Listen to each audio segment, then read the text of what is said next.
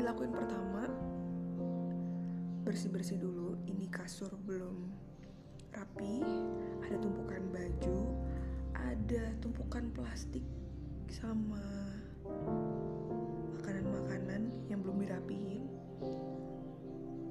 Lanjut ke bersih-bersih kamar mandi. Sudah baru deh masak. Masaknya yang ringan-ringan aja. Ya walaupun gak bisa masak tapi harus masak sarapan sama makan siang. Supaya irit. Yuk dilakuin yuk